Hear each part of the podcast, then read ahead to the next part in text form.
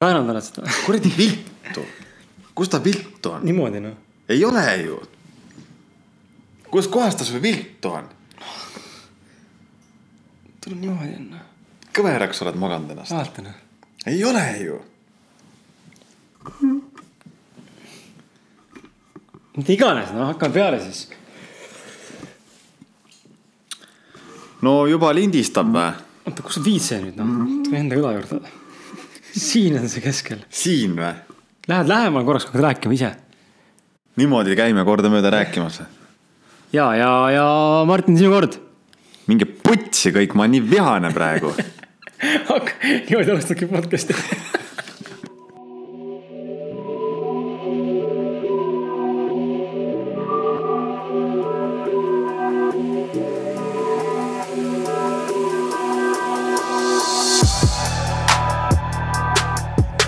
tere, tere, tere, kallid inimesed, tere tulemast kuulama Ausad mehed podcasti. mina olen Martin Pukspuu ja minu kõrval on Kris Kala. Kriste fucking Kala, new father, best father, aasta isa raisk. aasta isa. aga tere tulemast sulle, kallis inimene ähm,.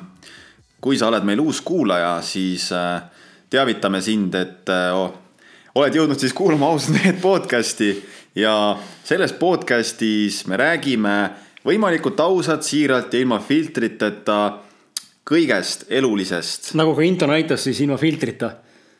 ja ilma filtrita, ilma suuvoodrita. me räägime kõigest elulisest, me puudutame suhteid, me puudutame edu, me puudutame edu puudumist, me puudutame kõike, me räägime kõigest eluliselt, filosoofiast, võimalikult ausalt ja siiralt. seega tere tulemast sulle. sihuke, sihuke, et no nii, rääkige ise nüüd, ma rohkem ei viitsi. aga tegelikult see on väga hea aus praegu, sest et põh- põhimõtteliselt ma tegelikult olin jumala närvis hetk tagasi, ma siiani ma olen hästi häiritud olekus. kuna, kuna me Krisiga siin äh, tegeleme, kaupleme krüptorahadega, võiks nii öelda ja kuna see on täiesti uus süsteem meile, me alles õpime seda tundma saab ilgelt närviliselt. ja, ja mingid siuksed asjad, millest ei saa aru, mis ja jumala närvi ajas, me sõitsime bussiga Krisiga Viimsist siia, mul oli Viimsis olid just äh, tunnid, trennid. ja sõitsime Viimsist siia ja nagu keset bussisõitu seal mingi asi ei kukkunud välja nii, nagu ta süsteemi järgi peaks. ja see ajas jumala närvi mind. et ma olen siiamaani sihuke häiritud olek ja mõtlesimegi, et selleks, et nagu luua seda autentsust ja, ja näidata, et me oleme ka inimesed, siis äh, let's keep it real. Let's keep it real ja ärme hakka midagi ilustama.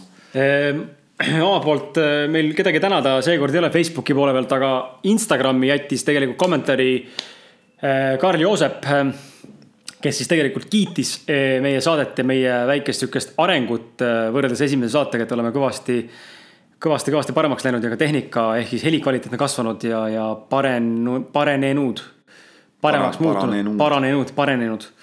Eesti keel on kaks endiselt ja, ja suur aitäh sulle, et sa võtsid eh, nii-öelda nagu otsuse või, või viitsimise vastu, et meile kirjutada, et veel kord jälle taaskord, et kui on midagi öelda, siis see on ülimalt oluline meie jaoks, et palun jagage. Jagage hea meelega, jagage nagu avameelselt ja jagage julgelt, et ärge kartke meile kirjutada. vahet pole, kuhu see on siis meilile, Instagrami, Facebooki. nii et aitäh sulle, Karl. ja mis uudist? mis uudist? no mina rääkisin oma tänase uudise ära. viha. viha. ei, tegelikult jumala hea päev oli. mega hea päev oli täna, ma olin mega happy, mega rahul mm,. Forexiga ka oma reaalse kontoga teenisin täna oma esimesi dollareid, teenisin kuus dollarit täna Forexiga.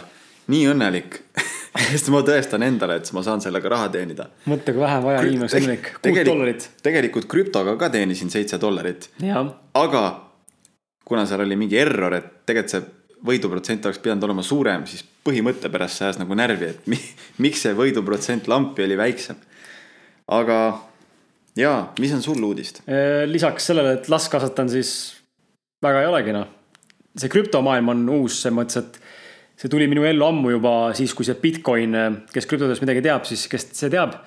et sõna Bitcoin on kindlasti kõik kuulnud, Bitcoin esimene üks krüptomüntidest siis, üks suuremaid krüptomüntide emalaev nii-öelda. ostke Bitcoini. ostke Bitcoini jah, et Bitcoin aga, varsti tõuseb jälle. et novembris on plahvatamas, et soovitame investeerida, kui vähegi võimalik on, kasvõi viiskümmend eurot. aga aastaid tagasi. pane kümme tonni parem. Aga üks kuus aastat tagasi jõudis minuni info, et ostke Bitcoini poisid, et tulemas on krüptoraha, valuuta, eh, virtuaalvaluuta, millega kunagi tulevikus hakatakse ostma, kauplema ja elama nii-öelda nagu. ma mäletan, et ma saatsin selle venna perse lihtsalt selle jutu peale oleks ma seda tol ajal teinud, siis praegu oleksin ma krüptomiljonär lihtsalt. ja, ja istuksin võib-olla. mis see mitte..., mis see hind võis olla sellel ajal, ühe, ühe krüptomündi hind? ma ei, ma ei mäleta, see, see oli ole, see oli olematu, see oli, ma arvan, et see oli sentides või eurodes. ja hind tõusis meil vahepeal. kahekümne tuhandeni. kahekümne tuhandeni. tükk. Seega, kui oleks. toon lihtsa näite võib-olla krüptodest nii palju, siin üks teistsugune münt nimega NEM, lihtsalt teile nime, lihtsalt nime, nimetus teile väike info juurde anda. et eelmine aasta kaks tuhat kuusteist lõpus, äh, kui sina oleksid otsustanud investeerida NEM münti, mis on siis Hiina päritolu mingisugune ettevõte, kellel on münt. Nende münti sada dollarit.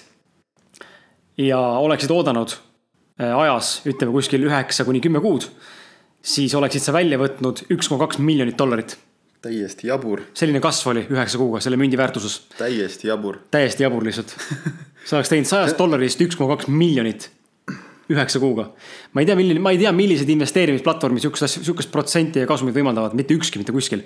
seega krüpto on kindlasti asi, milles, mida võiks nagu viisakalt öeldes nagu märkimisväärselt tähele panna ja jälgida, sellepärast et see on asi, mis siia maailma ennast sisse rohkem sööb kogu aeg. see on nagu selles mõttes minu meelest nii ulme, et äh, kuidas maailm on muutumas, kuidas nagu meie sinuga ka veel ju, meie ju tuleme ka tegelikult sellest paradigmast, sellest reaalsusest, kus ikkagist on nii pähe tambitud see, et sa pead tegema mingit tööd. raha tuleb raskelt. raha tuleb raskelt, sa saad, noh, eelmises äh, podcast'is või üle-eelmises podcast'is rääkisime mm -hmm. ka rahast, on ju. et raha tuleb, on ju, sa panustad aega ja saad aja vastu raha. okei okay,, ettevõtjad saavad natuke teistmoodi raha, ettevõtjad saavad seal, eks ole oma tulemuste pealt raha, aga ikkagist alati on olnud nagu see mindset, et kuidagi, kuidagi keeruline ja nüüd nagu seoses, seoses ütleme, kuna näiteks Foreksi valuutaturul kauplemine on tehtud nii lihtsaks, nii väikeste summadega on võimalik alustada ja kasvatada ennast ajapikku suureks. ja täpselt samamoodi nüüd see krüptomaailm on ju täiesti arenev, kasvav, kindel tuleviku teema. et see avab nagu inimestele täiesti uue maailma täiesti uue maailma, kuidas raha teenida, kuidas oma elu elada, asukohast sõltumatult, reisida ringi. et see on mega põnev, see on nagu tõesti. vaatame eksperimendi mõttes, kaua me siin jätkame selle krüptomaailmas, et mine tea, võib-olla aasta pärast äh, me siin juba räägime krüptodest äh, uuel tasemel, et visioon on see ikkagi, et sellest lõpuks siis nagu sissetulek endale ehitada. jaa. investeerimise mõttes. elatuda oma investeeringutest ja igapäevaselt tegeleda sellega, mis, äh, mida me reaalselt teha tahame mida me reaalselt teha tahame, et kindlasti ei ole eesmärk see, et saaks nüüd hakata teenima läbi investeeringute ja siis lösutama kuskile, et ei, siis hakkab reaalne töö pihta, aga siis see on fun, siis ongi see, et nagu mingit tähendust luua inimkonnale. jagada oma andeid maailmaga. nii on. aga me, me. tänane saade siis. teema.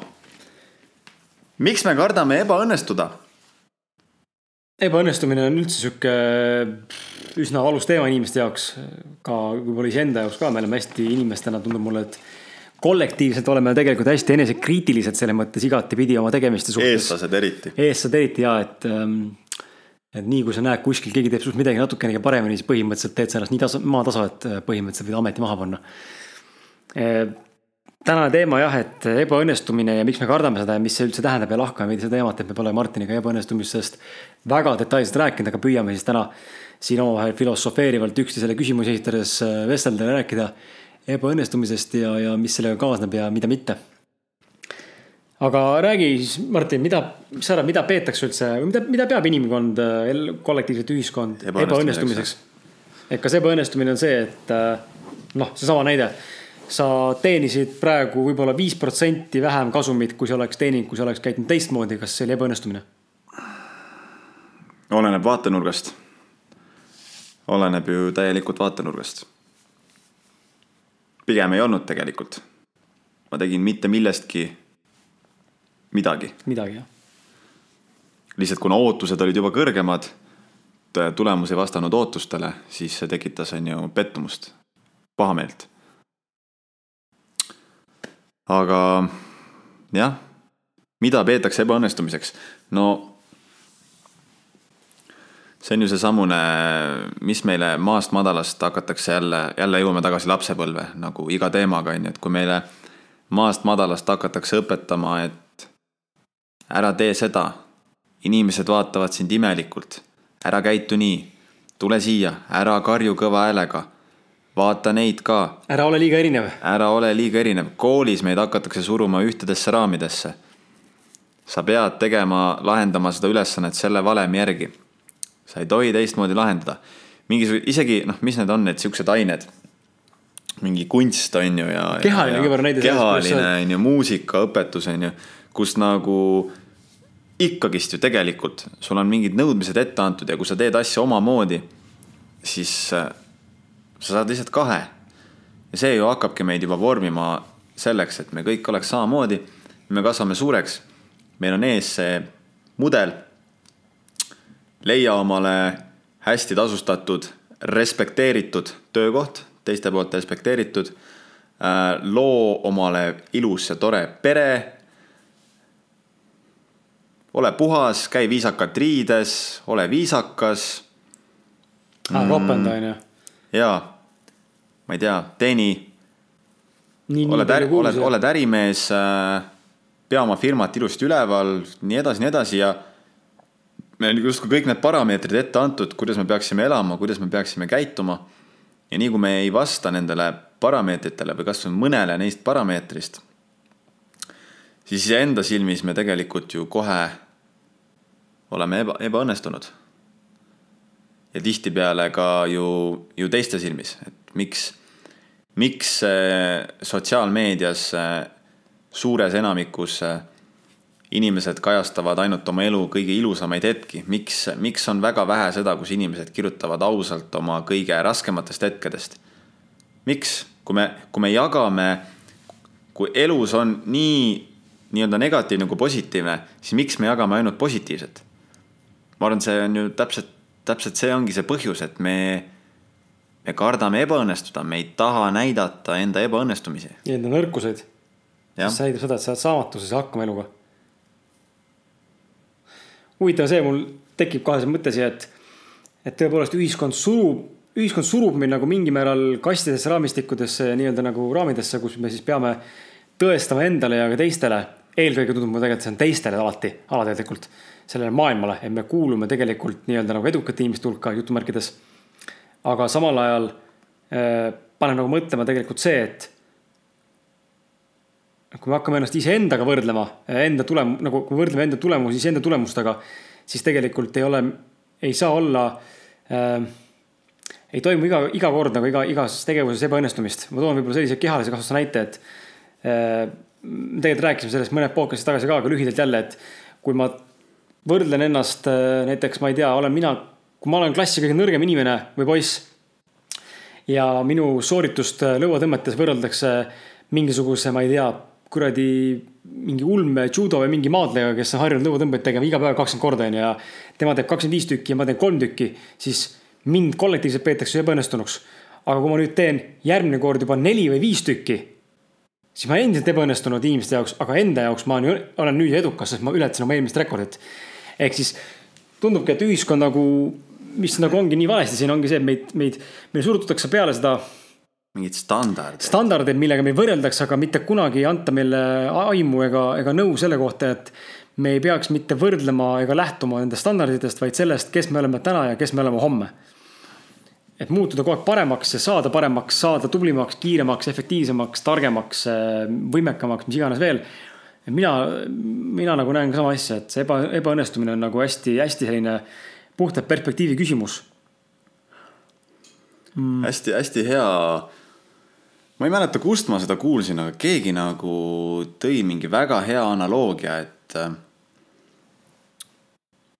põhimõtteliselt äh, pane, noh, midagi sellist, midagi sellist näeb see analoogia välja, et pane kala maismaale ja vaadatakse, et see kala on ebaõnnestunud, ta ei saa siin hakkama. pane kala vette, ta on kalavees mm. -hmm. see on tema keskkond, on ju, ta saab seal ideaalselt hakkama. viska, viska mingisugune imetaja vee alla, kalad vaatavad, et see imetaja on ebaõnnestunud, et täpselt samamoodi meid ju nii-öelda koolis juba nagu pannakse kastidesse, et samamoodi me oleme kõik nii-öelda erinevad liigid tegelikult oma, oma annete, oma oskuste poolest, mis meil loomulikult paremini välja tuleb. aga ometigi meid surutakse nagu ühtedesse raamidesse ja seetõttu väga paljud, kellel on võib-olla väga suur potentsiaal midagi teha, juba lapsena matavad oma unistused maha, kuna nende keskkond ehk nende kool pidevalt näitab neile, et sa ei jõua sinna mitte kunagi. sest inimene erineb lihtsalt niivõrd palju ja kui tal ei ole ka võib-olla nii toetavaid vanemaid, tal ei ole maast madalast eneseusku, siis ta ei julgegi erineda, ta ei julgegi käia oma südame hääle järgi, sellepärast et kõik ümberringi näitavad talle, et ta on, ta on teistsugune, ta on ebaõnnestunud. jah oskame me äkki mõne näitega tuua, kui. kasvõi meie kooli pooleli jätmine. Mis on nagu, nojah. sina, sina jätsid, on ju, jätsidki pooleli, mina jätsin peale üheteistkümnenda klassi pooleli. olin aasta aega ei käinud koolis ja siis läksin kooli ikkagi tagasi, lõpetasin ära, aga. aga noh, seda oli, tegelikult oli näha seda segadust ja sihukest võib-olla kerget hukkamõistu nagu inimeste, kui ma inimestega suhtlesin. täiega et nagu sihukene, inimesed nagu ei osanud reageerida või kuidagi nagu, et okei okay,, et nagu mingi jätsid pooleli lihtsalt noh, nagu inimesed nagu. sinu ees on nagu viisakad, aga tegelikult on näha seda, et tegelikult neil lööb täiega errorisse, et mis, mis mõttes sa nagu jätsid pooleli. peavad debiilikuks sellised. mind peeti küll, ma arvan ikka täisidioodiks noh. võib-olla peetakse siiamaani, ma ei tea, aga, aga mina nagu võib-olla see kooli näide on tõesti hea, ma näen ise ka väga hästi seda, kuidas noh, nüüd jälle perspektiivi küsimus, kui ma ütlen selle, et mul ei ole mitte midagi elus jäänud tegemata, sellepärast et mul ei ole äh, gümnaasiumiharidust. on mõnes mõttes õige, mõnes mõttes vale, et äh, see tee, mille ma endale valinud olen, see on tee, mis ei vaja akadeemilist paberit, et ma oleksin edukas nii-öelda äh, ühiskonna mõistes aga kui ma oleks tahtnud, tahaksin praegu minna kuskile näiteks õppima ülikooli või õppima mingit konkreetset ametit või, või mingit muud asja, siis ma oleksin ebaõnnestunud selle koha pealt, et mul ei ole ette näidata isegi tunnistust, ma peaks minema tagasi kooli. Seega ma usun, et kõik on nii nagu ikka elus on, kõik on jälle perspektiivi ja valikute küsimus ja, ja, ja mina tõesti tunnen nagu enda valiku põhjal, et see, kus ma täna olen, on, on, ei ole mul mitte midagi jäänud nende aastate jooksul, mis, kus see täna kaks tuhat kaheksateist. noh, varsti saab kümme aastat sellest, kui ma lõpetasin, oleks pidanud lõpetama kaheteistkümnenda klassi et äh, ma ei näe, mul midagi muutunud oleks äh, või midagi oleks tegemata jäänud, sellepärast vastupidi, mulle tundub, et ma olen tegelikult, mulle tundub, et ma olen palju õnnelikum. Ja, ja ma ei, kui ma ütlen, ma tundub, et ma olen palju õnnelikum, siis ma ei võrdle ennast teiste inimestega otseselt. küll aga võib-olla kaudselt, et ma sügavalt kahtlen, ma ei tea, mis teised tunnevad, aga ma sügavalt kahtlen, et inimesed, kellel on õppelaenud kaelas siin või kellel on mingisugused muud võlad kaelas siin. Nad ennast nagu õnnelikuna tunnevad, sellepärast nad on nii-öelda nagu selle õpingute või süsteemi orjad on ju, ja ja teistpidi jälle, mul on kogu aeg vabadus olnud teha seda, mida ma tegelikult teha tahan, ilma ma peaksin sõltuma millestki või, või, või kellestki või, või lähtuma mingitesugustest ettekirjutatud asjadest, ma pean minema ülikooli ja kindlasti tegema ära need kolm magistrikraadi ja. kolm? ma ei tea, noh. noh, kuidas kokku võetakse neid diplomeid, magister, baka ja doktor, kuidas see kokku võetakse Bak? bakalaureus, magister ja doktor, jah. kuidas see kokku võetakse, ma ei tea, ühine nimetus, mis seal on siis? ma ei tea, kas neid võetaksegi kokku niimoodi ühtne nimetus on, ütleme ülikooliharidus, ma ei tea noh. et nagu, kas see, see ei ole nagu ainus tee, et äh,.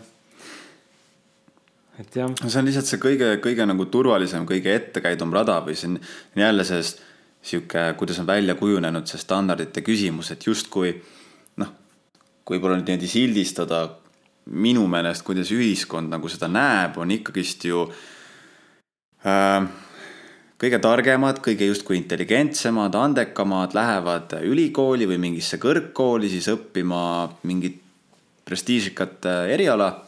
Äh, siis need veidi äh, kehvemad nii-öelda intelligentsuse poolest võib-olla lähevad kohe peale keskkooli, hakkavad mingit tööd tegema. ja siis need nii-öelda kõige väiksema IQ-ga lähevad siis peale kas juba põhikooli või lähevad kutsekooli, lähevad, õpivad mingi ameti ja hakkavad seda ametit tegema, nagu mina olen aru saanud, et nagu kuidagi niimoodi tegelikult äh, nagu sildistatakse inimesi mm. -hmm. aga tänaseks päevaks nagu nii palju on elu muutunud. nii palju on kõik minu meelest muutunud, et see ei see, mis, mis haridus sul on või see, see ei näita mitte midagi, sa võid täiesti ilma koolihariduseta omal käel väga geniaalseks, väga kõrge IQ-ga inimeseks areneda. väga intelligentseks inimeseks, väga suure teadmiste pagasiga inimeseks. nojah, ja nüüd me räägime nagu puhtalt nagu hariduse mõttest, aga kui me räägime üleüldse ebaõnnestumistest, siis äh, noh see esialgne küsimus, miks inimesed kardavad seda. ma ei tea, miks nad kardavad, mina näiteks isiklikult, no ma ei saa öelda, ma ei karda ebaõn-, mul nagu. ma ei karda ebaõnnestuda, sest et ma olen piisavalt elus nagu fail inud oma asjadega ja fail in täna, tänagi siiamaani veel, aga mina nagu näen ebaõnnestumistes äh, pigem kasvumomenti. võimalust kasvada paremaks inimeseks, võimalust areneda edasi iseenda parema versiooni suunas. mis alati muidugi ei ole kõige kergem kõige lihtsam teekond, aga, aga ma näen ebaõnnestumises pigem nagu väga palju sellist äh, positiivset külge, samuti kui ma kuulan inimesi, kes siin on edukamad ettevõtjad ja võib-olla ka ütleme siis äh, noh, ütleme siis ma ei teagi, kuidas seda, kelle jaoks edukus või edukam on, et minu silmis edukamad inimesed, nemad kõik räägivad sama asja, et ebaõnnestumine tuleks eh,, eh, elus tuleks võimalikult palju ebaõnnestuda, võimalikult kiiresti, võimalikult palju. et sa saaksid aru sellest äh, kui oluline tegelikult on see õppetund, mis sa saad ebaõnnestumisest. aga isiklikest kogemustest rääkides, Martin, mis on sinu suurim, äh, kui sa oskad tuua äkki, noh, ma ise üritan ka mõelda, aga et mis on sinu suurim ebaõnnestumine, mida sa oled elus kogenud ja, ja mida sa sellest õppinud oled? siiani. Kas tuleb niimoodi pähe midagi? tead, kui päris aus olla, nagu ei, ei ole mingeid kahetsusi tegelikult ei olegi mingeid suuri kahetsusi elus ja ei olegi tegelikult seda tunnet, et oleks milleski tohutult ebaõnnestunud. võib-olla, mis ma olen mõelnud, ma oleksin võinud kooli ajal võtta lõdvemalt. ma oleksin võinud panustada rohkem äh, enda sotsiaalsete oskuste arendamisele kui õppimisele. ma arvan, et äh, see on nagu selline ainuke no ei, oska, kindlasti neid on veel, aga niimoodi hetkel mõeldes mul ei, mul ei tule küll pähe rohkem, mis, mis nagu, sest, sest just nimelt see ongi, see on see perspektiiv perspektiivi küsimus on ju, et isegi kui mingid asjad on tundunud ebaõnnestumisena, siis hiljem tagantjärele alati ma olen väga tänulik, et ma kogesin neid ebaõnnestumisi. Sellepärast, et just nimelt need ebaõnnestumised õpetasid mulle tohutult minu enda kohta, need andsid mulle uue kogemuse seetõttu tegelikult, mis näis esmapilgul ebaõnnestumisena, suuremas pildis viis mind elus edasi. ja seetõttu ongi nagu praegu tagantjärgi vaadates on väga raske üldse näha nagu mingeid äh, suuremaid ebaõnnestumisi mm. -hmm. aga kuidas sinu puhul mm,? no tükk aega siin üritasin mõelda enda peas, mis on see minu suurim ebaõnnestumine siiamaani ja pea on nii tühi, midagi ei tule pähe ja siis kargas pähe üks nagu näide, mis noh, ma võin ta selle alla tituleerida, sellepärast et mul on nagu kahju, et siin läks. Äh, mis ma õppisin sealt, noh, seda ma tegelikult, tegelikult õppisin nagu olemas. Ehm, aasta kaks tuhat kümme ma andsin välja enda raamatu nimega Ebaõnnestunud. mis iseenesest ise ei olnud ebaõnnestunud. Ta oli Eestis äh, terve suvi top äh, edetabeli, top edetabelite tipus raamatupoodides üle Eesti, teda müüdi kokku üle tuhande kuuesaja eksemplari, mis on tegelikult päris palju Äh, esimese, ütleme siis nagu esiromaan, esiromaani kohta, esi, esimese raamatu kohta. arvestades seda asja, et tavaliselt äh, kui on uus kirjanik tuleb turule, siis tihtipeale see esimese raamatu tiraaž piirdub seal kolmesaja raamatuga. Et mul ta kuus korda kõrgem äh, ja ta müüs päris hästi pika, noh, see, ta ei müünud kohe ära seda kõike, aga ütleme aasta-poolteise jooksul. see tuhat kuussada müüs, mis on tegelikult väga hästi võrreldes praegu raamatuga, mis ilmus kaks tuhat kuusteist aasta lõpus, ehk siis kuus aastat hiljem. siis see praegu müüb palju kehvemini ja, ja tegelikult see ongi võib-olla teine näide ka praegu kargas pähe, et see on ka mingil määral ebaõnnestumine, on ju. aga pärast ra esimese raamatu väljaandmist äh, mul tekkis soov äh, teha ka vändata film, filmi Ebaõnnestunud. Ähm, ja, ja mul oli olemas ka väike sihuke noor, noortest, ise olin ka noor, noortest sõpradest ja tuttavatest ja filmihuvilistest, äh, hobi korras filmijatest ja sihuke väike meeskond, kellega oli olemas tegelikult ka vajaminev tehnika sihuke väga prosta ja väga basic tasemel, loomulikult meil ei olnud väga palju, väga palju asju, millega teha, kõiki asju professionaalselt, aga.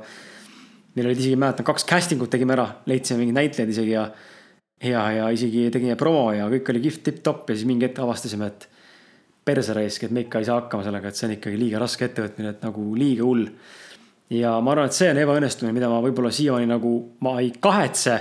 et ma seda otsuse vastu tegin ja neid samme tegin, mis luhta läksid lõpuks, aga aga, aga võib-olla selle kahetsuse lihtsam ja nagu leebem vorm ongi see, et ma tunnen, et ma ebaõnnestusin sellega, et ma kütsin tegelikult ennast ja teisi ja enda teiste olevaid ootuseid ülesse. ja tegelikult seda filmi lõpuks ei tulnudki onju ja me jõudsime filmitud võib-olla mingisugune, ma ei tea. Ma ei tea noh, kümme, kakskümmend minti filmist võib-olla vähem isegi kokku onju, täispikast mängufilmist. ja, ja sinna see asi jäi onju, et selles mõttes on kahju, et, et, et nii läks ja mida ma, mida ma sealt nagu õppinud olen oma enda jaoks praegu mõtlen, on see, et kuna ma olen väga sihuke emotsionaalne ja, ja, ja üsnagi, üsnagi selline mm, emotsioonipõhine teatud määral. kui ikkagi on sees olemas tung midagi teha, siis ma lähen ja proovin. Ja, ja mind ei huvita, kas ma siis kuu aja pärast, nädala pärast enam ei tee või teen seda, et see ei ole nagu eesmärk ega minu jaoks oluline, minu jaoks oluline see, et ma saan proovida, katsetada. ja kui mulle see ei sobi, siis ei sobi ja nii ikka, nii ongi elus, ma usun, et äh, seda ma tahan nagu rõhutada ka, et ärge kartke nagu ja see võib-olla resoneerub, resoneerubki ebaõnnestumisega, et. ärge kartke nagu proovida uusi asju ja nendes ebaõnnestuda, sellepärast et niimoodi sa õpid ennast tundma. vähemalt äh, niimoodi olen mina ennast õppinud tundma ja ma arvan, ka Martin on äh,. no absoluutselt. niimoodi õppinud. absoluutselt. Kõige suuremad minu meelest arengukohad ongi tulnud just läbi isiklike ebaõnnestumiste. läbi nende kogemuste, kus äh, ongi see tunne, et ma täielikult fail in. kõige suuremad õppekohad. ja see on normaalne, selles mõttes, et see ju rahuldab su vajaduse mm, proovida mingit uut valdkonda või uut asja, mille üle sa võib-olla oled mõtisklenud juba viimased võib-olla paar nädalat või paar kuud või paar aastat. et kui ikka kripeldab, siis proovi ära ja loomulikult ongi, sul on fifty-fifty, kas see, kas sa õnnestud ja lähebki hästi ja hakkab sulle meeldima või on one time success või on lihtsalt one time failure ja, või on eh, ma ei tea, everlasting failure on ju sellega. et see filmi tegemine näitas mulle küll seda, et, et ei tasu nagu hüpata pea ees otseselt kogu aeg sisse. ja ma võiks tegelikult natuke rohkem asju uurida, enne kui ma hakkan tegema. mida ma nüüd üritan ka teha rohkem vanemas eas, aga, aga samal ajal ma ikkagi soovitan olla inimestel ikkagi väga emotsioonist ja sisetundest nagu nii-öelda nagu orient, oriented ehk siis nagu juhitud.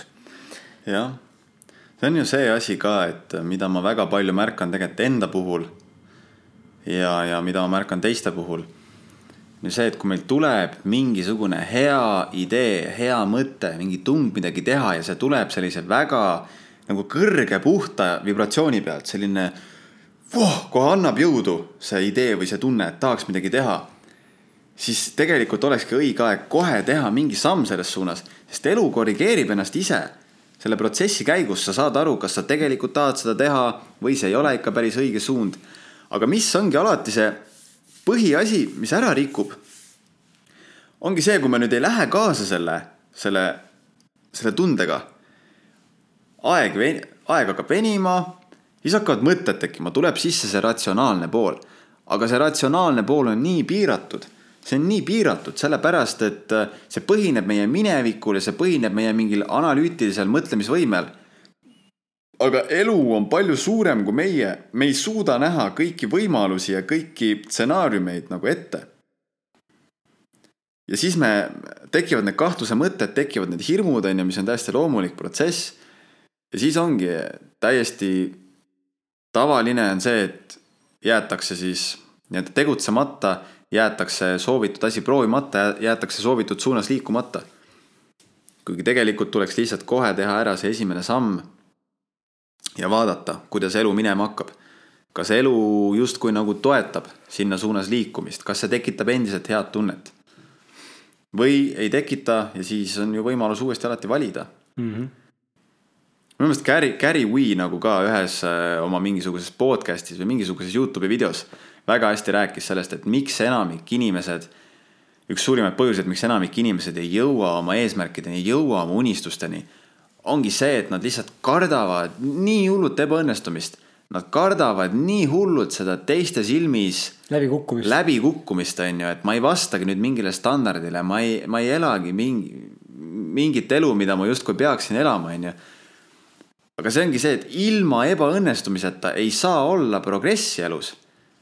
Me õpimegi läbi vigade ja me ei, mitte kunagi tegelikult ei tea vaata teiste inimeste mm,, kuidas öelda, see ei ole, see ei ole nüüd nagu enda seisukohalt nii-öelda nagu enese nagu kaitserefleks nii-öelda või nagu kaitsemehhanism, vaid ega õigustamine, vaid me, me alati ei näe ega ei tea tegelikult teiste inimeste tagamaid, miks ta mingi põhjusel kuidagi käitub, onju, või miks ta mingis situatsioonis on, onju. ma toon nagu enda pealt juba näite, et ma olen kakskümmend seitse sain onju see aasta. ma elan elukaaslase ema juures majas täielik fucking läbikukkuja. täielik läbikukkuja. mine perse, kuidas saab üldse niimoodi? täitsa kurb, rõve, mõttetu vend. mõttetu vend, sa oleks perele raha teenima, mitte et, kuskil. kuradi korterit ei saa ka võtta, mis vend sa oled, mis kuradi mõttetu vend üldse onju, et aga see ongi, see ongi nagu, et see on mõttetu vend lihtsalt kordas ennast.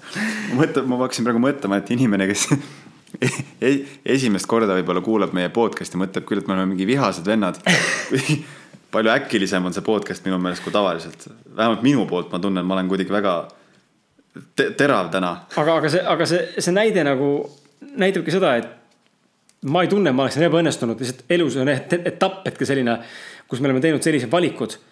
ja, ja vaata kõrvalt, kõrvaltvaatajana inimesed alati ei näe neid valikuid ja neid valikute tagamaid ja siis tehakse mingisugused ühiskondlikud, nagu Martin ütleski, mustrite vastavad mingisugused oletused ja oletused, eeldused onju ja määratakse sind nii-öelda siis sellesse ebaõnnestunud äh, faasi. et äh, käige putsi lihtsalt on see asi, mida tahaks öelda. ja see ei ole päris niimoodi, tuleb nagu endale aru anda, et nii ei ole ja nii, nii ei hakka mitte kunagi olema mm. -hmm. et toon võib-olla selle saate alguses rääkisime ka sellest, et kõik on perspektiivi küsimus. toon nagu teise näite enda ebaõnnestumise koha pealt. viimane raamat jällegi, noh, kirjutamine minu jaoks nagu see on, see on vaieldamatu kirg ja mulle meeldib kirjutada ja ma teen seda väga hästi ja kui ma vaatan blogipostitusi, mis inimestele peale lähevad, siis inimesed kirjutavad tänavad mind, ma silmi avasin. Tõi pisarad silma, see jutt on nii loetav, mõnus, lahe, hästi kirjutatud. ja, ja ka raamatu kohta on alati positiivse tagasiside olemas, aga mingi põhjusel ta ei müü. ja, ja nüüd mul on küsimus ongi, et kas ma peaks, kas see nüüd, et raamat ei müü nüüd onju, on nüüd ebaõnnestumine. või, või ei ole. minu jaoks ei ole, sest mu eesmärk on anda, oli, oli saada kirjanikuks. ma fucking tegin selle ära. mu eesmärk oli veel saada ära välja teine raamat ma tegin selle ära. et äh, mu eesmärk on inimestele oma lausete, mõtetega korda minna. ma olen seda juba saavutanud, ehk siis see ei ole tegelikult ebaõnnestumine minu jaoks, kui ma ei müü nüüd kõik oma eksemplari ära. aga see kõik sõltub jälle, millisest vaatepunktist sa asja vaatad. see on ju absoluutselt, see on ju kogemus, see on ju, see on alles sinu teine raamat. sa oled suutnud juba teise raamatu kirjutada otsast lõpuni valmis, panna sinna hulgaliselt tööd, aega, energiat sisse. oled suutnud selle tuua ka inimesteni. see on ju, see on ju väga, väga võimas äh, samm juba. minu, minu suurim risk, ongi hea, hea näide tuua inimestele ka veel selle koha pealt, et äh, mida mina kartsin. kõige suurem asi, mida ma kartsin praegu järg-, teise raamatu juures, mis ilmus kaks tuhat kuusteist aastal, oli see, et ma jään kahjumisse. ja noh, mis te arvate, kas ma kahjumis ei ole? ma arvan, et ei ole. muidugi olen. oled? täielikus miinuses. ongi nii? ma olen täiesti miinuses oma raamatuga, ma, mul ei ole midagi siin valetada raamat ei ole see, millest mina Eestis ära elan või üldse kasumit toon. ja mul täna meeldis, kuidas Andy, ma kuulasin jälle Motherfucking CEO podcast'i ühte osa, kus Andy mainis. Aga mis sa, mis sa mõtled selle kahjumi all nagu? see tähendab seda, et ma pole tagasi teeninud oma esialgset investeeringut müügiga. okei okay.. ehk siis ma olen ikka kahjumis pärast kahte aastat. ma pole isegi nullis. ma olen, äh, ma ei tea täpselt, ma ei hakka, ma, ma ei hakka täpselt detaile, detailselt siin neid summasid lahkama, aga ei ole isegi omadega nullis, kulud ei ole tasapeel müügiga. ja, ja, ja mulle meeldib, kuidas Andy ütles ka, et Andy on kirjutanud siis see mees, keda me kuulame, üks teine podcast. tema on kirjutanud kolm lasteraamatut mm. -hmm. ja siis tal see co-host küsis siis, et noh, et äh, umbes, et inimesed tahavad teada saada, et palju sa nagu teenid sellega, onju. et umbes, kas on see hästi läinud, et kõik ütlevad, et oo, et raamatut kirjutad plekki sitaks. siis Andy ütles välja, et see raamat nende raamatute tootmine on nendele täielik, äh, täielik loss, täielik äh, kahjum. aga teda ei huvita. sest ta saab välja anda selle, mida ta tahab välja anda.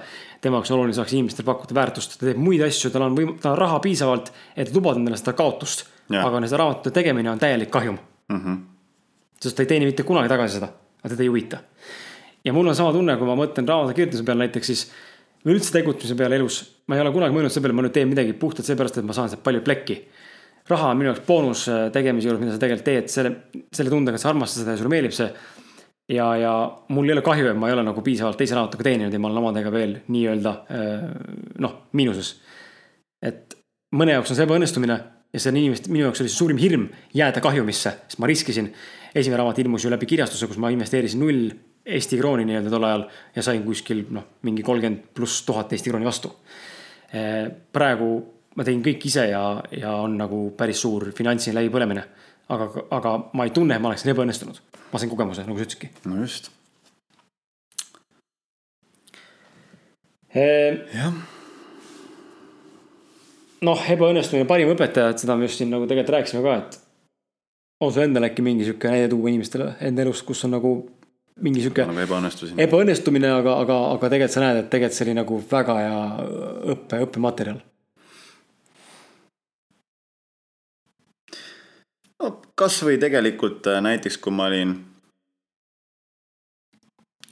kaheksateist olin, on ju, ja kui me tegime seda võrkturundust tegime seda võrkturundust, eks ole, ja kuskil pool aastat ma siis üritasin seal edu saavutada, aga ei saavutanud ju. võiks ju öelda ka, et noh, täielik äh, läbipõlem, läbikukkumine, täielik ebaõnnestumine. Aga tegelikult ei, ma sain, ma sain väga hea kogemuse, ma õppisin seda valdkonda lähemalt tundma. Äh, ma õppisin nägema selle valdkonna miinuseid, aga samas ma õppisin nägema ka selle valdkonna võlusid. ja väga hea kogemus kokkuvõttes tagantjärgi. samamoodi, kui ma käisin Tais õppimas näiteks äh, Tai massaaži. Tai reis läks mulle maksma üle kahe tuhande, üle kahe tuhande euro, isegi vist rohkem, koos selle massaaži õppimisega. massaaži õppimine ise läks maksma vist kursused kokku maksid kuskil kuussada eurot. elamine kõik ka sinna juurde. ma tulin Eestisse äh,. tahtsin hakata tegema massaaži nii-öelda vabakutselisena. taimassaaži teenust siis pakkuma ja jällegist mingi hetk ma ei jõudnud seda üldse pikalt teha, ma sain aru, et ei, see ei ole minu jaoks. ma ei naudi seda piisavalt. See kulutab mind energiast, ma ei taha seda teha. niimoodi võiks jälle öelda, et jällegist ma jäin kahjumisse, ma kaotasin rahaliselt mm. -hmm. ma ei jäänud püsima valitud suunale, on ju, noh, läbikukkumine, ebaõnnestumine aga tegelikult ei, ma olen, ma olen mega tänulik, see Tai reis oli mega äge. mega äge, ma õppisin oskust, mis arendas mind inimesena, mis jällegist arendas minu sellist äh, kehalist tunnetust. Ma saan eluaeg äh, inimesi, kes on hädas, mingilgi viisil aidata, sest et mul on mingisugused massaažioskused äh, alles, mingisugune tunnetus on alles. kõik sellised kogemused mõtle, mis ma olen veel teinud vahepeal, mida ma olen üritanud. ma elasin vahepeal kolm kuud joogakoolis. mul ei olnud kodu, ma elasin kolm kuud joogakoolis inimesed tulid hommikul joogat tegema, mina kõrvalruumis magasin hambad laiali. täielik ebaõnnestunud inimene, paadialune. raha hakkas otsa saama. mina ei teagi seda ju. täielik paadialune. tean või? ja ei tea, ei tea vist jah. see oli, kui mul äh, üks suhe siis äh, nii-öelda untsu läks ja ma pidin elama ajutiselt selle tüdruku juures. ja suhe läks untsu ja see kõik tuli mul nii ootamatult ja mul ei olnud kuhugi minna. Ja noh, mul ei olnud ka raha, et võtta lihtsalt mingi korter kohe. ja mida ma siis tegin, ma läksin joogakooli elama. Jokke, Jokke ja Terje jah, pakkusid mulle, et äh, ela, ela siis joogakoolis mõnda aega elasin joogakoolis. tegin omale seal, magasin tagaruumis. mul oli seal oma väike mingi kapp ja tegin seal, seal oli mingi pliit ja asi, tegin seal süüa, ma hoidsin külmkapis oma, oma sööki ja. Täitsa haige kolm kuud elasin niimoodi, täiesti no, no oli küll, naljakas tunne oli tegelikult sihuke natuke nagu paadialuse tunne, aga samas nagu jällegi täielik läbikukkuja, kas olen? ei, see kogemus jällegist õpetas mulle seda, et tegelikult ma võin ära käia päris madalas punktis oma elus ja tegelikult täiesti puhtalt sellest välja tulla. ja et see ei tapa ära. ja keegi ei, ma ei tundnud, et keegi oleks mind tegelikult väga viltu vaadanud, noh jällegist ma ei tea. Ma ei tea, mu, ma ei puutu kokku väga, väga palju enam selliste hinnanguliste inimestega, sest ma usun, et ma ise lihtsalt ei ole enam, ei ole enam niivõrd hinnanguline.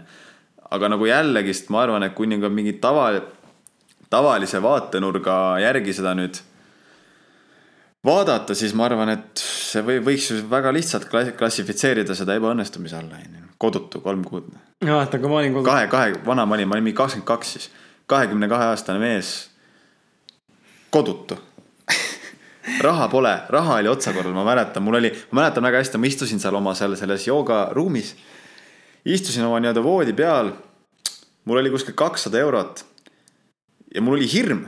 ma mõtlesin, et mis edasi saab, mis edasi saab, kas ma kas ma nüüd jäängi nagu täitsa kodutuks või? täitsa haige. ma mäletan, kuidas mul oli sarnane olukord, kui isa mind kodunt välja viskas. ma olin siis ka äh,, see oli gümnaasiumi lõpuklass ehk siis üheksateist, umbes midagi sellist, kaheksateist, üheksateist. ja ma olin just nagu mõnda aega tagasi lahku läinud oma esimeses armastuses ka.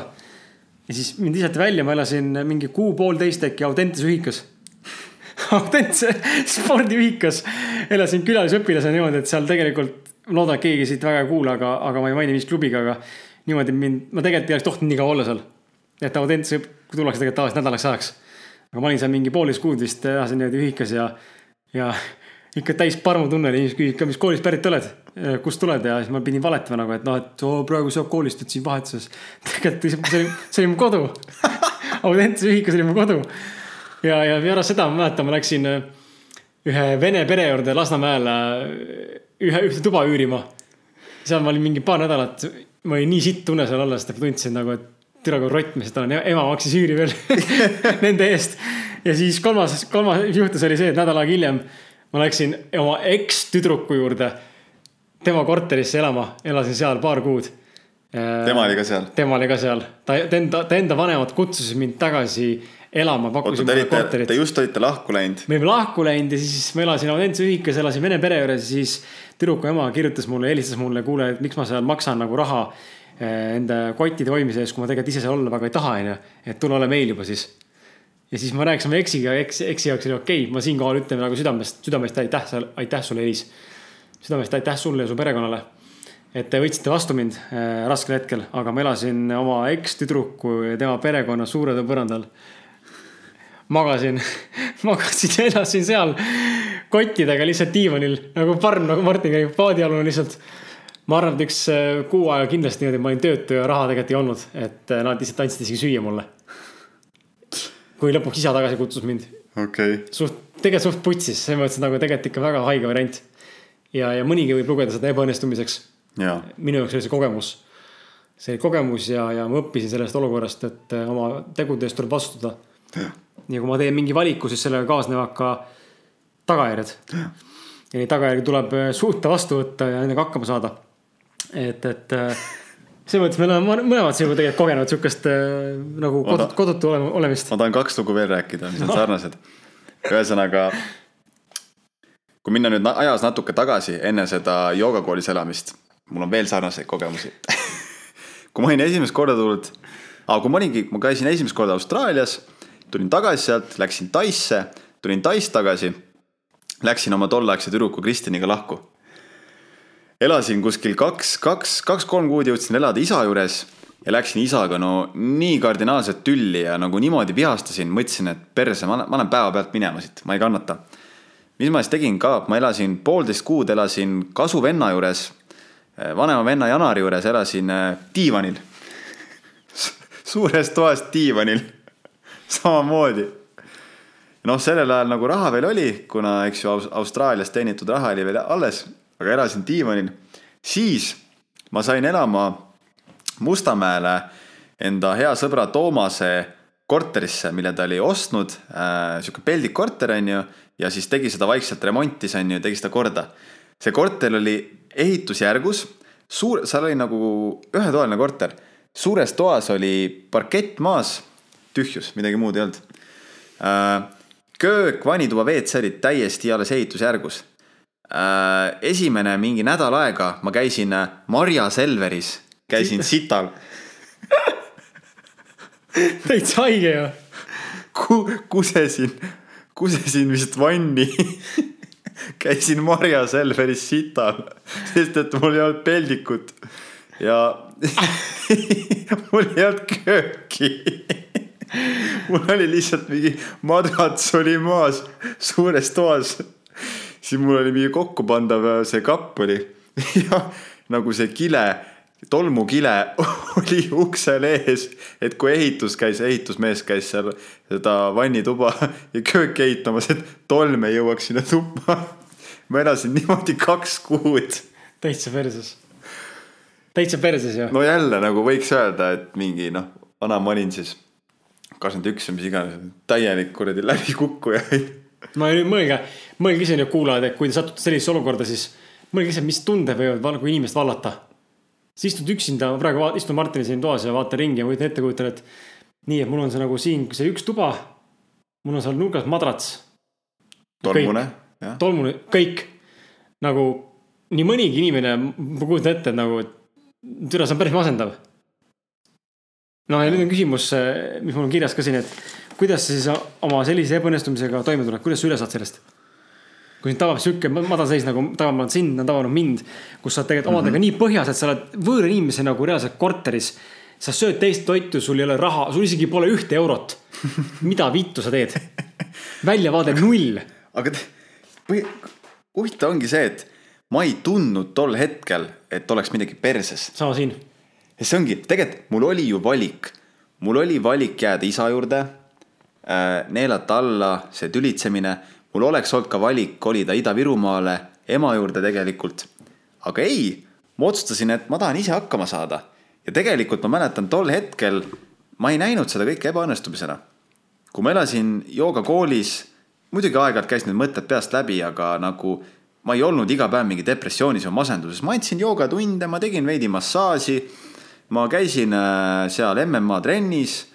Ma elasin nagu tavalist elu ja ma tegelikult tundsin, et nagu okei okay,, mu süda oli murtud tol hetkel, aga nagu võrdlemisi nii hästi, kui sel hetkel end tunda sai, onju.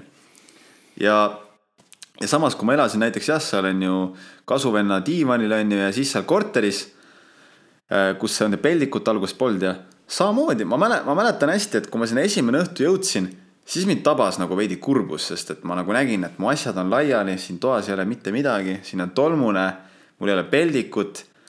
aga samas tasapisi sinna tekkis peldik, tasapisi köök hakkas valmis saama, sain juba süüa teha kodus, on ju. kõik oli puhtam ja ma mäletan enne, kui ma sealt välja kolisin, sealt korterist, ma juba, ma juba nautisin seal korteris olemist. et see ongi nagu huvitav, et tegelikult enda peas oli vähe oli neid mõtteid, et ma olen mingi ebaõnnestunud või fail inud või nagu pigem ongi see nagu sihuke hinnaline kogemus, et ma käisin justkui ära kuskil põhjas ja tegelikult see ei olnud üldse nii hirmus, vaid ma isegi võisin avastada nendel hetkel, hetkedel tegelikult väga palju inspiratsiooni mm. -hmm. ja sellised kogemused on pannud hindama äh, luksust, näiteks see, kus ma siin praegu elan, on ju siin Luteri kvartalis. selles ühetoalises korteris, sihukese teise korruse magamisalaga see on täielik luksus minu jaoks. see on täielik fucking luksus minu jaoks, ma olen nii tänulik, et ma saan siin elada. et äge, tegelikult need kogemused on, on ägedad ja on palju õpetanud ja tagantjärgi absoluutselt ei näe neid mitte mingite ebaõnnestumistena. sellepärast ongi oluline, ma arvan, meelde tuletada teile ja endale ka aeg-ajalt, et ei tasu kõike seda ebaõnnestumist ja õnnestumist äh, mõõta nagu materiaalses nagu, materiaalses numbrites kõiki võrdu, võrdusmärk elu ja raha vahel ei ole võrdusmärki. Äh, või kogemuse raha vahel ei ole, ei ole võrdusmärki, et. Jah, jah, see on minu mõte oh,. rääkides veel ebaõnnestumistest. no ongi nüüd podcast'i käigus tuleb, tuleb meelde, onju. Äh, minu viimane nii-öelda, mida kindlasti võiks ka ühiskonna silmis pidada suureks ebaõnnestumiseks, oli see, kui Äh, see oli siis, millal nüüd? pea kaks aastat tagasi, kui ma töötasin restoranis. Ma töötasin restoranis ja ma mõistsin, et nüüd on aeg teha kannapööre, eda-, edasi enam samamoodi minna ei saa. ma võtsin end töötuks, ma kolisin ema juurde Ida-Virumaale, ma elasin pool aastat ema juures, vana ma olin siis kakskümmend kolm. ma elasin pool aastat ema juures äh, sõin, jõin, kusin, sittusin äh, ema ja kasuisa kulul ja siis läksin õppima personaaltreeneriks, on ju. et samamoodi ma meeletult kartsin seda otsust teha, ma meeletult kartsin, aga kui ma selle ära kõik tegin, lõppude lõpuks äh, ma ei näinud seda enam ebaõnnestumisena, see oli üks parimaid otsuseid, mis ma sain teha. mäletan ka alguses mul oli veidi ebamugav võib-olla öelda, et ma olen töötu ja mingi elan ema juures. aga lõpuks juba ma ütlesin nagu jumala külma, külma närviga, keegi küsis, et mis sa teed, millega tegeled. ei, ma olen töötu praegu, elan, elan ema juures. õpin treeneriks. Parimaid otsuseid, mida ma teha saan, ausõna mm. -hmm. aga tihtipeale ongi raske, tihtipeale ongi raske sellises äh, kogemuslikus, ütleme madalseisu meenutavas kogemuslikus seisundis näha seda positiivset kulgu, sest et sa ei tea, mis tegelikult tuleb.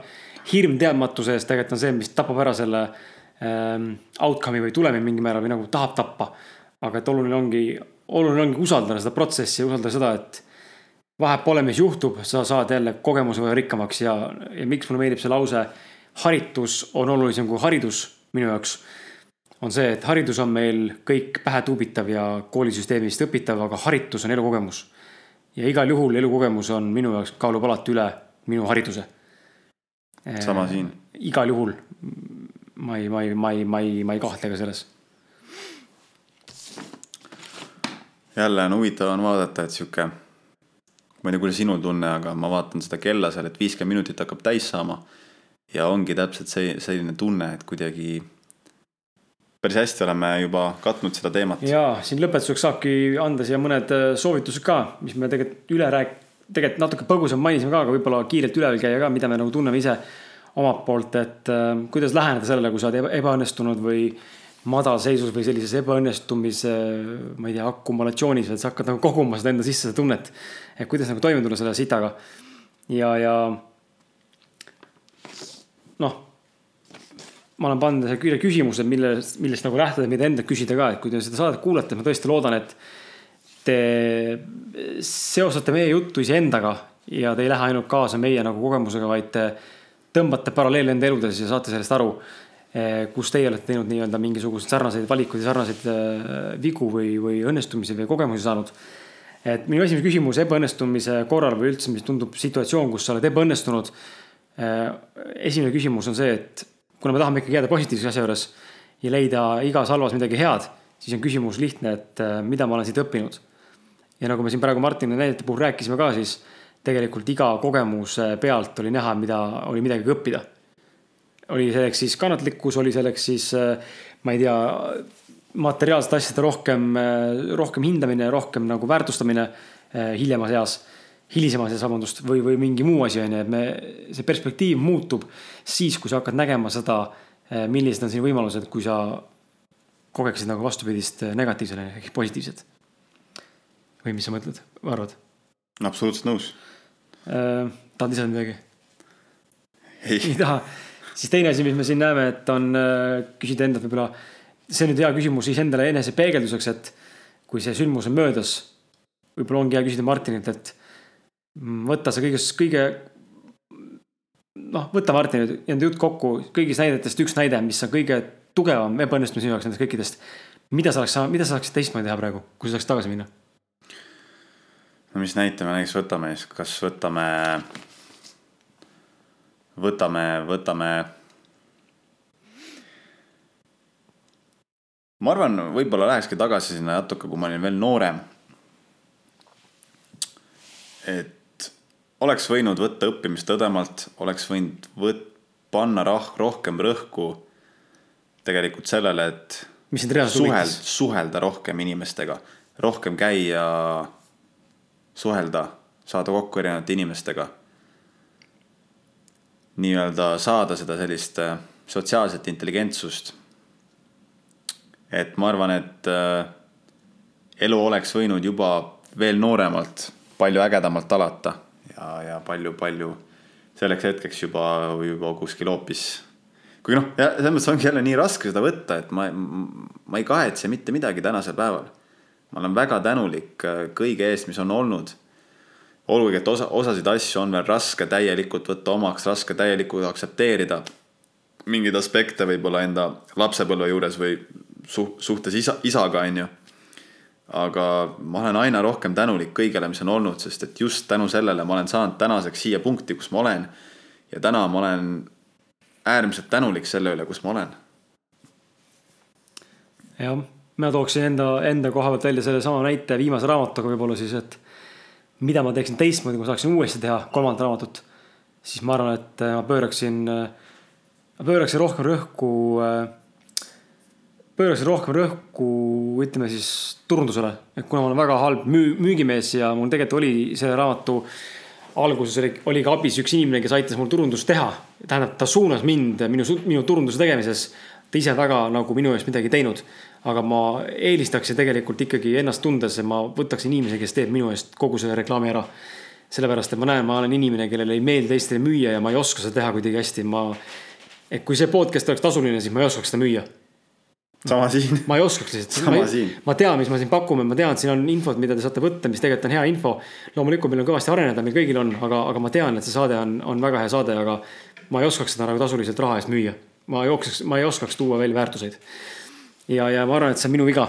et ma tõmban paralleeli sellega, et nii kui on vaja raha välja tuua või raha sisse tuua, siis peab olema nagu väga, väga nagu kuidagi, väga kuidagi nagu raamistikus, et ma olen hästi kramplik siis et ma oleks, ma teeksin teistmoodi selle, ma võtaksin kellegi appi, kes teeb minu eest raamatuturunduse ära. et see on kindlasti asi, mida ma muudaksin ehm.. viimane küsimus ebaõnnestumise koha pealt, et õppides ennast tundma ja nähes enda ebaõnnestunud kogemusi pealt elus üldse, siis Martin. Äh, mis on su järgmine ebaõnnestumine mis on minu järgmine ebaõnnestumine mida, mida, oled sa mõelnud, et mis on see, kus sa tahaksid kogeda? mis on veel nagu kogemused puudu, aga võiks nagu ette rutates ära kogeda, võib-olla sa saadki seda kunagi tulevikus, aga mida võiks nagu kohe täna nüüd kogeda. et mõista, et türa, see oli täiesti mõttetu või nagu see ei ole ikka päris see.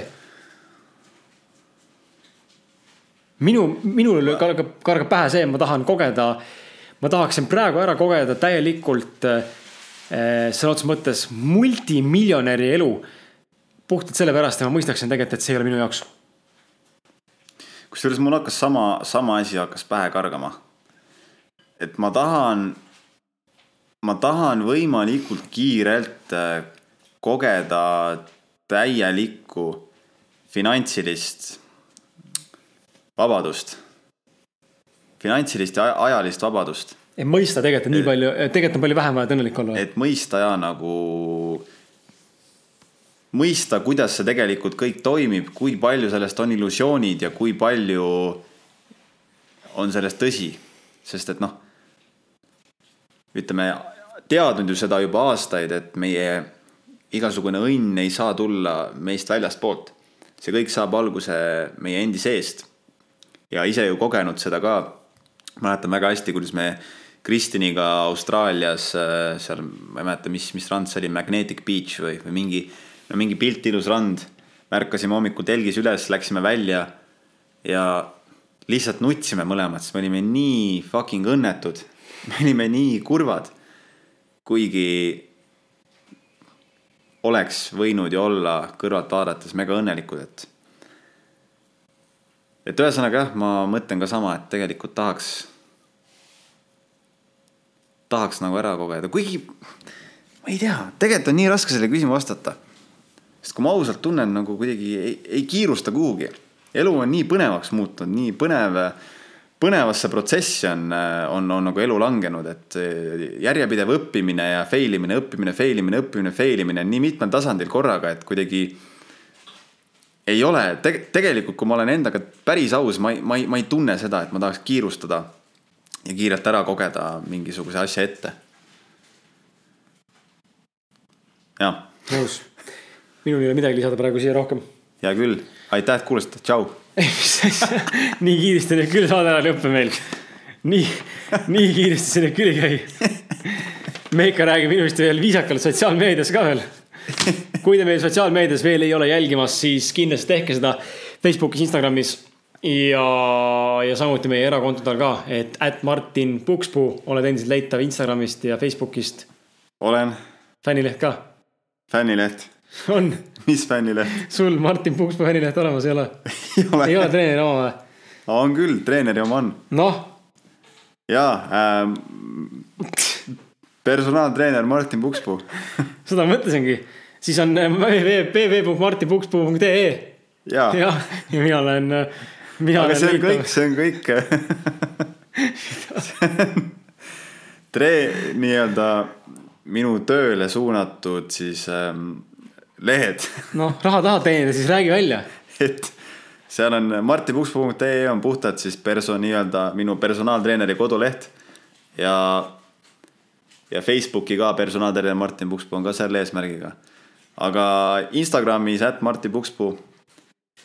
seal on veidi muud ka, kuigi peaasjalikult on ta ka olnud senimaani personaaltreeneri leht. ja noh, muidugi Facebookis minu tavakonto Martin Pukspuu. jah, minge vaadake lisage sõbraks.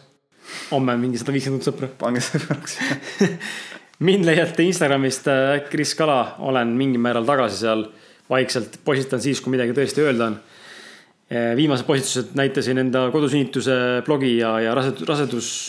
kodusünnitus, koduvideo.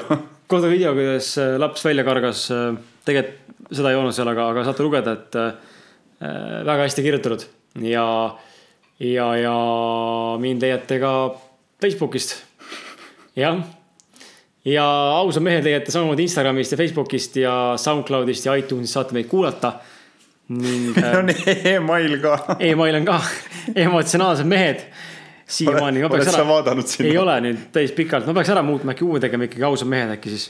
siis peab täitsa uue tegema jah? täitsa uue tegema jah, aga no see nime. jah, keegi nagunii kirjuta meile vahet pole noh, et aga, aga see selleks, ühesõnaga jaa, et äh, aitäh kuulamast ja ma loodan, et see saade ebaõnnestumistest ja nende toimetulekust aitas veidi sul luua äh, selgema pildi sellest, kuidas tulla siis tõesti toime selle olukorraga, kui sul on madalseis äh, jah.